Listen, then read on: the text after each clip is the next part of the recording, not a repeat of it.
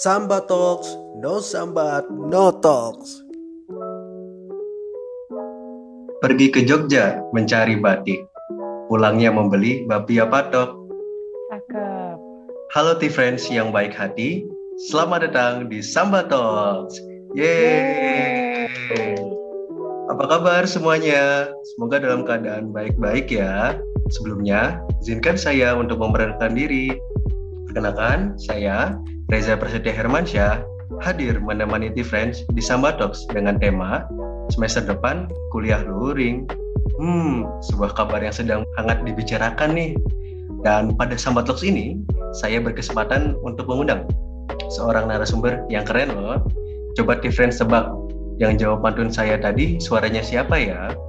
Hmm, baiklah, kita sambut Ketua TSL Game, Kak Cecilia Nova Wijaya. Halo Kak Cecil.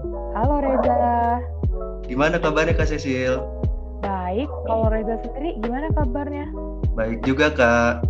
Oke T-Friends, tanpa berlama-lama lagi, mari kita mulai Samba Talks. Let's go. The first question Kak, ada kabar terbaru kalau kuliah ditargetkan sudah dilakukan secara tatap muka nanti pada Juli 2021. Kira-kira apa tanggapan kakak terhadap hal tersebut? Uh, wah, ini uh, emang kabar yang sempat jadi kontroversi ya di Indonesia.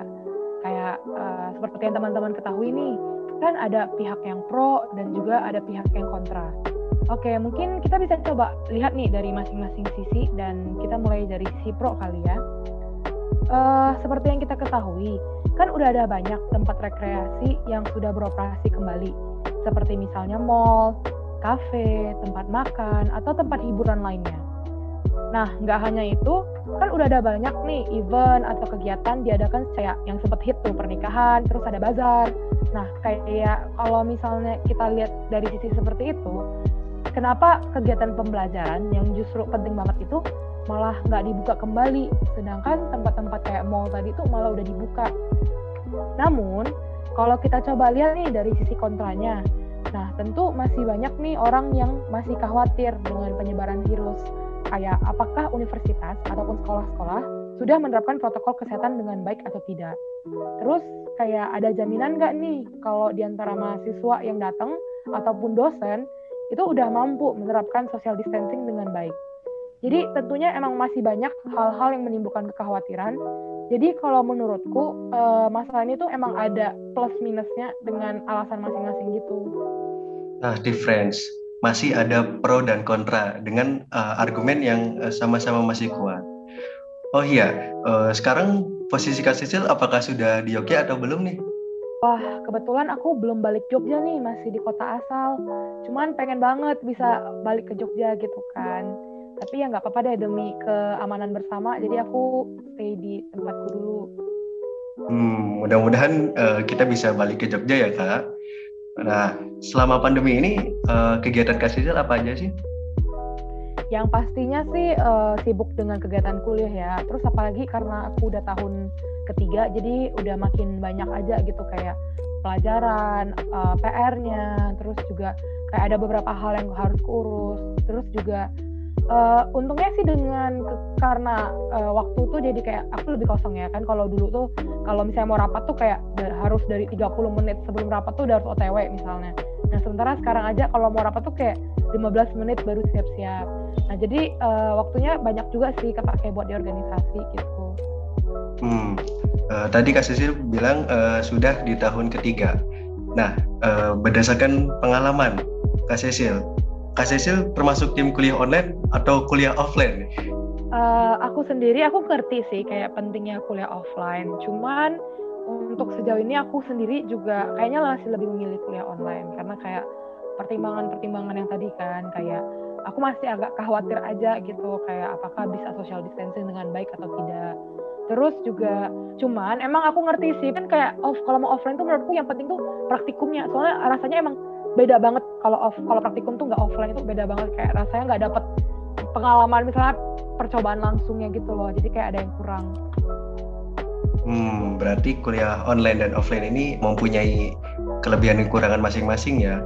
Nah kak seandainya kuliah luring bisa dilaksanakan, apa aja nih yang harus dipersiapkan atau mungkin dibawa di hari pertama kuliah? Terutama untuk angkatan 2020 dan 2021 nih, yang sama sekali belum pernah ke kampus. Wah, pasti seru banget nih kalau akhirnya teman-teman bisa ketemu lagi sama teman-teman kuliahnya. Nah, uh, aku yakin sih pasti semuanya tuh kayak somehow jadi excited atau ada yang mungkin tadi kayak tadi khawatir, jadi kayak nano-nano gitu. Cuman uh, yang pasti itu uh, jangan lupa sama protokol kesehatan. Kayak wajib banget nih teman-teman untuk bawa masker, terus masker cadangan. Nah, selain itu hal penting lainnya adalah hand sanitizer. Uh, salah satu saran dariku sendiri itu bawa hand sanitizer yang bisa digantung di tas gitu loh. Alasannya sih untuk mengurangi penyebaran kuman sama virus gitu ya. Kayak misalnya kalian yang naruh hand sanitizernya agak berantakan, terus kayak malah masuk ke dalam tas sampai bagian dalam. Nah kan kalau kalian mau ngambil itu jadi kayak nyentuh makin banyak barang kan. Dan sementara notabene tangan kalian tuh di, dianggap kotor. Jadinya ya sebar lagi deh virusnya. Terus ada yang rada opsional, tapi menurutku sih penting juga yaitu botol minum sama alat makan pribadi. Kalau ini juga lebih ke untuk mengurangi penggunaan alat makan plastik juga Soalnya semenjak COVID ini banyak banget tempat makan itu tuh menyediakan alat makannya sekali pakai dari plastik untuk mengurangi persebaran virus tadi. Nah, teman-teman sendiri kan udah tahu nih seberapa bahayanya sampah plastik terhadap lingkungan. Oleh karena itu sih aku sendiri emang kalau keluar biasanya bawa botol minum sendiri dan kadang juga bawa alat makan sendiri. Bener banget nih friends, uh, karena kita dalam keadaan pandemi, kita jangan hanya fokus pada uh, pencegahan virus ya, tetapi juga kita harus tetap menjaga kebersihan lingkungan di sekitar kita. Kemudian uh, emang iya kalau kuliah harus pakai kemeja. Itu berdasarkan peraturan universitas sama fakultas masing-masing. Kayak dan emang hampir kayaknya hampir semua universitas ataupun fakultas tuh pasti meminta mahasiswanya untuk berpakaian rapi dan berkerah. Dan yang artinya kalau berkerah kan itu kemeja ya. Tapi menurutku tuh uh, itu rada tergantung ke dosen sih. Soalnya ada dosen yang masih membebasin nih kayak mahasiswanya bebas mau pakai baju ya, yang apa pun, tapi yang penting rapi gitu, dianggap rapi. Jadi kayak kamu nggak pakai kemeja pun juga nggak apa-apa, yang penting jangan t-shirt aja gitu. Cuman emang masih ada nih dosen juga yang lumayan ketat dan uh, mewajibkan untuk mahasiswanya menggunakan kemeja. Bahkan ada nih yang tidak mengizinkan mahasiswanya untuk pakai kaos polo yang berkerak karena menurut beliau pakaian tersebut tidak terhitung sebagai kemeja. Cuman kalau aku sih emang selalu uh, pakai kemeja gitu sih di kampus. Soalnya ini kan juga menurutku ya itu termasuk branding diri gitu loh. Kayak kalau pakaianmu rapi, terus terlihat sopan itu pasti ada nilai plus tersendiri di mata dosen sama di mata teman-teman. Jadi nggak ada ruginya ya kalau kita nanti kuliah pakai kemeja, selain satu menaati peraturan, yang kedua menjadi personal branding bagi kita. Nah, katanya kuliah itu mahasiswanya harus mencari materi sendiri ya, dan sering banget nih yang namanya presentasi. kalau ini uh, sama lagi, balik lagi ke cara mengajar dosen Uh, cuman emang kalau secara hakikatnya sih kayak di perkuliahan gitu kan kita sebagai mahasiswa ya udah diminta gitu untuk bisa belajar secara mandiri dan jangan cuman terpaku sama materi yang dikasih dosen. Cuman kalau dari pengalamanku kuliah ya udah tiga tahun kan nih, uh, kebanyakan dosen-dosen sih udah kasih langsung gitu loh kayak materi yang tentunya juga udah lengkap. Dan selain itu biasanya di pertemuan pertama itu pasti uh, dosen tuh selalu memberikan daftar buku referensi yang digunain. Uh, ada beberapa dosen yang langsung kasih PDF buku tersebut, tapi ada juga yang meminta kita untuk mencari uh, bukunya sendiri. Selain itu, untuk bagian presentasi kayaknya rada sesuai jurusan juga. Karena kalau menurutku uh, teman-teman kita yang sosok mungkin lebih sering melakukan presentasi dibandingkan teman-teman kita yang saintek. Soalnya aku sendiri uh, kayaknya jarang deh kayak masih bisa dihitung dengan jari gitu kalau disuruh minta presentasi. Hmm, jadi eh, nggak uh, ada salahnya ya buat different untuk uh, tetap mencari uh, referensi materi lain uh, terhadap kuliahnya dan juga buat teman-teman uh, sosum nih nanti ada gambaran bakal lebih banyak presentasi. Nah kak, pas kuliah pernah nggak sih dikasih soal terus harus dikerjain gitu? Wah berarti uh, kayak kuis mendadak gitu ya? Uh, tentunya pernah dan itu wah sumpah itu langsung deg-degan parah. Kayak biasanya sih dosen-dosen tuh biasanya ya selalu kasih pemberitahuan tentang kuis kayak dari jauh-jauh kayak oh minggu depan kita bakal ada kuis ya. Cuman pasti ada juga saat di mana kuisnya tuh secara tiba-tiba. Nah kalau kayak gini tuh biasanya teman-teman yang ngantuk, yang nggak dengerin di kelas tuh kayak langsung melek aja gitu, langsung tiba-tiba kebangun gitu sih. Kalau kasih sendiri gimana nih pas ngerjain kuisnya? Apakah lancar-lancar aja atau gimana? Wah, uh, kalau aku pasti deg-degan. Kayak mau kamu bisa uh, walaupun ya aku tahu mungkin aku uh, bisa jadi bisa gitu ngerjain soalnya. Kayak aku udah mencoba mendengarkan sama dosen ngajar. Cuman pasti tetap aja ada aja gitu nggak sih? Kayak perasaan kamu deg-degan takut nggak bisa. Nah uh, jadi menurutku ya itu kalau kayak gini biasanya aku tuh bakal mulai dari baca soalnya. Kayak oh kira-kira ngebayangin nih ini tuh materi yang mana sih? Ini tuh uh, rumus yang mana sih? Nah kalau misalnya setidaknya kamu nggak kosong banget gitu pas ngerjain soal uh, udah udah udah bayangan lah dikit itu tuh setidaknya nggak secemas tadi gitu. Dan yang pasti uh, jangan lupa bikin timer guys. Kayak uh, misalnya kayak apalagi online ini kan kita masih harus scanning foto atau scan gitu upload lagi. Biasanya tuh kayak 5 menit atau 10 menit sebelum deadline tuh aku udah langsung scan udah langsung upload gitu. Jadi kayak lebih bagus ya udahlah nggak apa-apa lah nggak kelar dibandingkan telat. Uh, ya gitu sih kalau dari aku. Berarti uh, kalau kita mau persiapkan diri nih friends kita juga pasti lebih percaya diri dalam mengerjakan baik itu tugas dan kuisnya Nah, Kak, uh, sedikit keluar dari bidang akademis. Menurut Kakak, uh, milih UKM itu apakah harus sesuai dengan minat atau kemampuan yang kita punya? Oke, uh, ini pertanyaan yang menarik banget nih. Nah, menurutku tuh UKM tuh kan emang tempat kita belajar ya. Itu kayak tempat kita belajar di luar akademik gitu, yang kita dap yang kita nggak dapetin di pelajaran kuliah. Kayak misalnya soft skill, kemudian uh, teamwork terus kayak ya pengalaman-pengalaman organisasi lah gitu. Terus uh, menurutku sih nggak apa-apa kalau misalnya nih kita ikut UKM tapi yang kita bukan skill kita gitu. Kayak misalnya nih aku suka banget main basket tapi aku nggak bisa main basket. Ya udah aku bakal tetap coba daftar UKM basket. Toh emang posisinya kan di UKM itu aku berharap untuk aku udah belajar gitu loh. Maksudnya untuk aku belajar main basket. Cuman emang ada beberapa UKM yang punya persyaratan masing-masing Nah, tapi nggak ada salahnya sih kalau kamu tetap mencoba untuk mendaftar UKM-UKM apa pun yang kamu minati. Terus uh, salah satu nih hal yang kupelajari banget dari tahun-tahun pertama dan kedua aku ketika masih tanda kutipnya nih mencoba-coba UKM yaitu uh, yang pasti sih tetap pilih-pilih UKM-nya. Kayak kamu coba uh, perhatikan gitu, kayak apakah UKM yang kamu daftar ini atau yang kamu ikutin itu benar-benar menjadi tempatmu berkembang atau enggak? Kayak apakah kamu benar-benar bisa belajar gitu di UKM ini? Atau malah ternyata kegiatannya tuh cuman uh, jalan-jalan huru yang kayak gitu? Atau uh, apa enggak kamu nyaman enggak di UKM ini di UKM ini?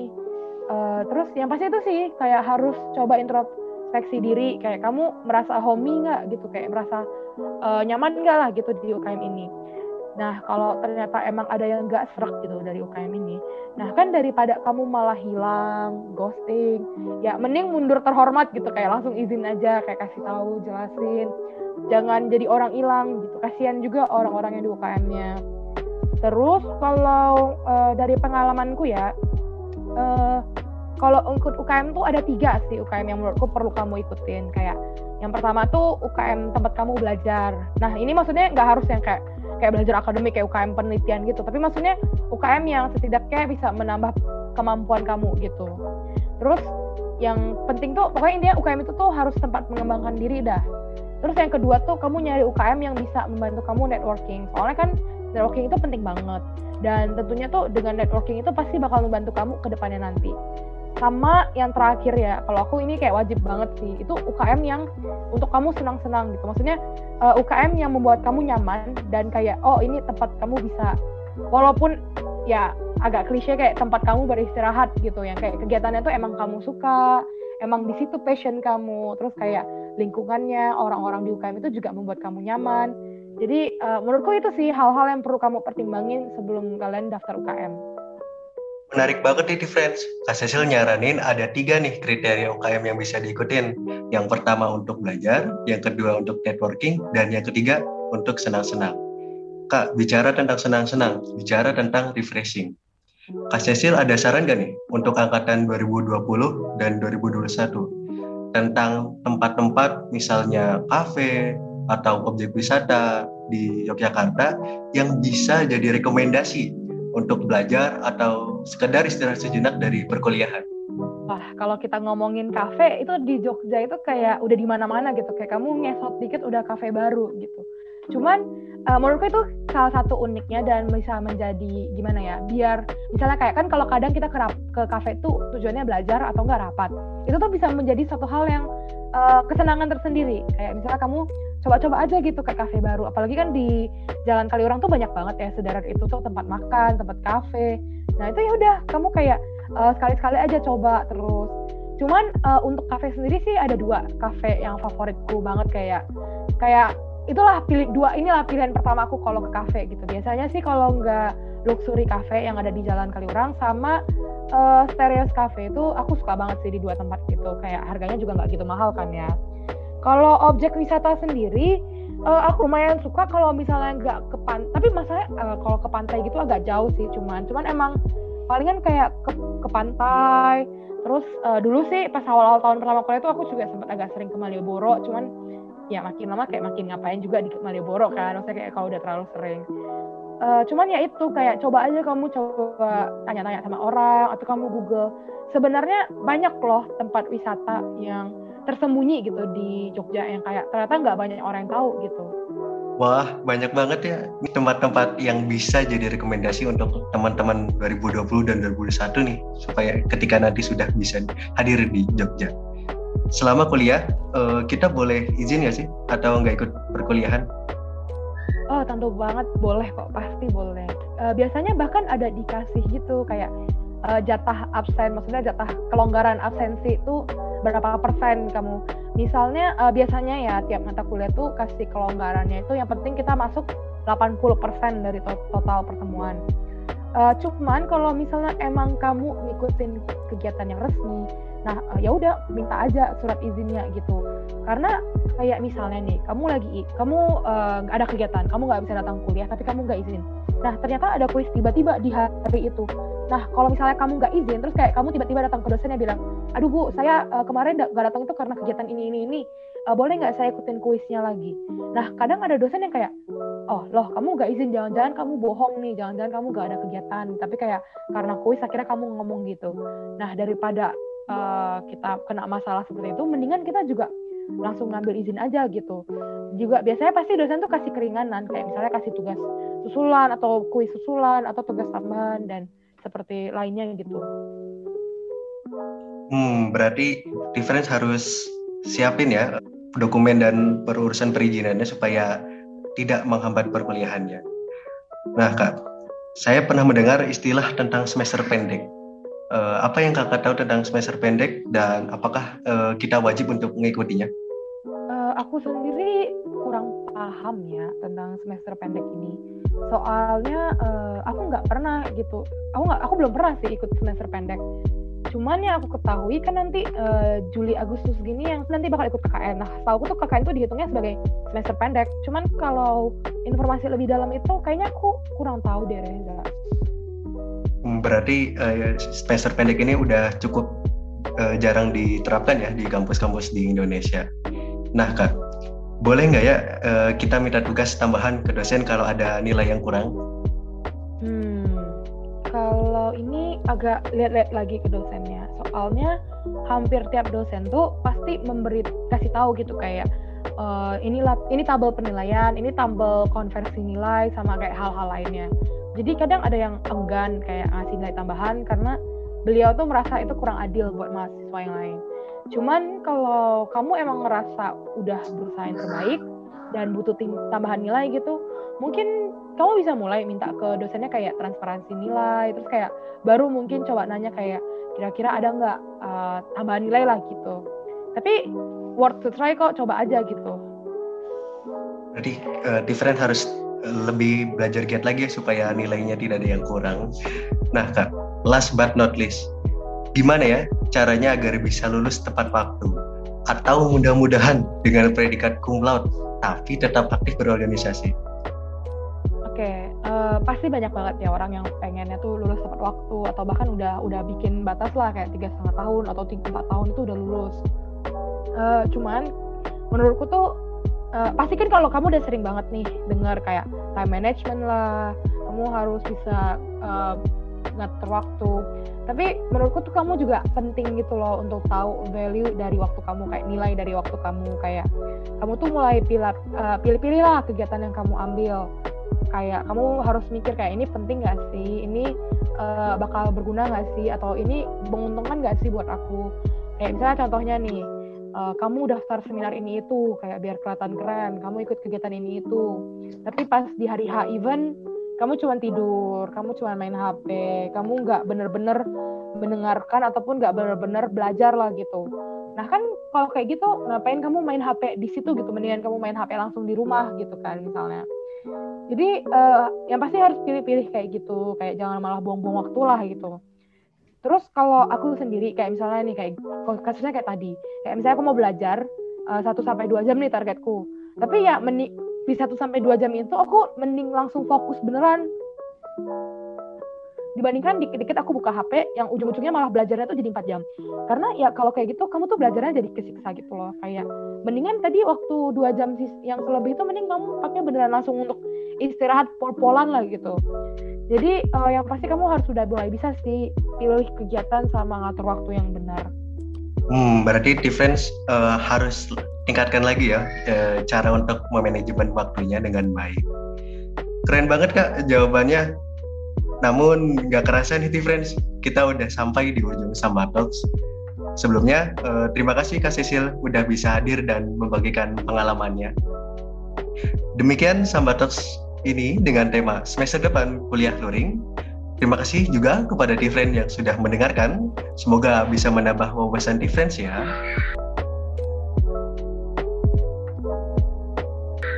Makan nasi pakai ikan teri Makin lengkap tambah sambal terasi. Cakep. Izinkan kami untuk undur diri. Sampai jumpa dan terima kasih. Yeay.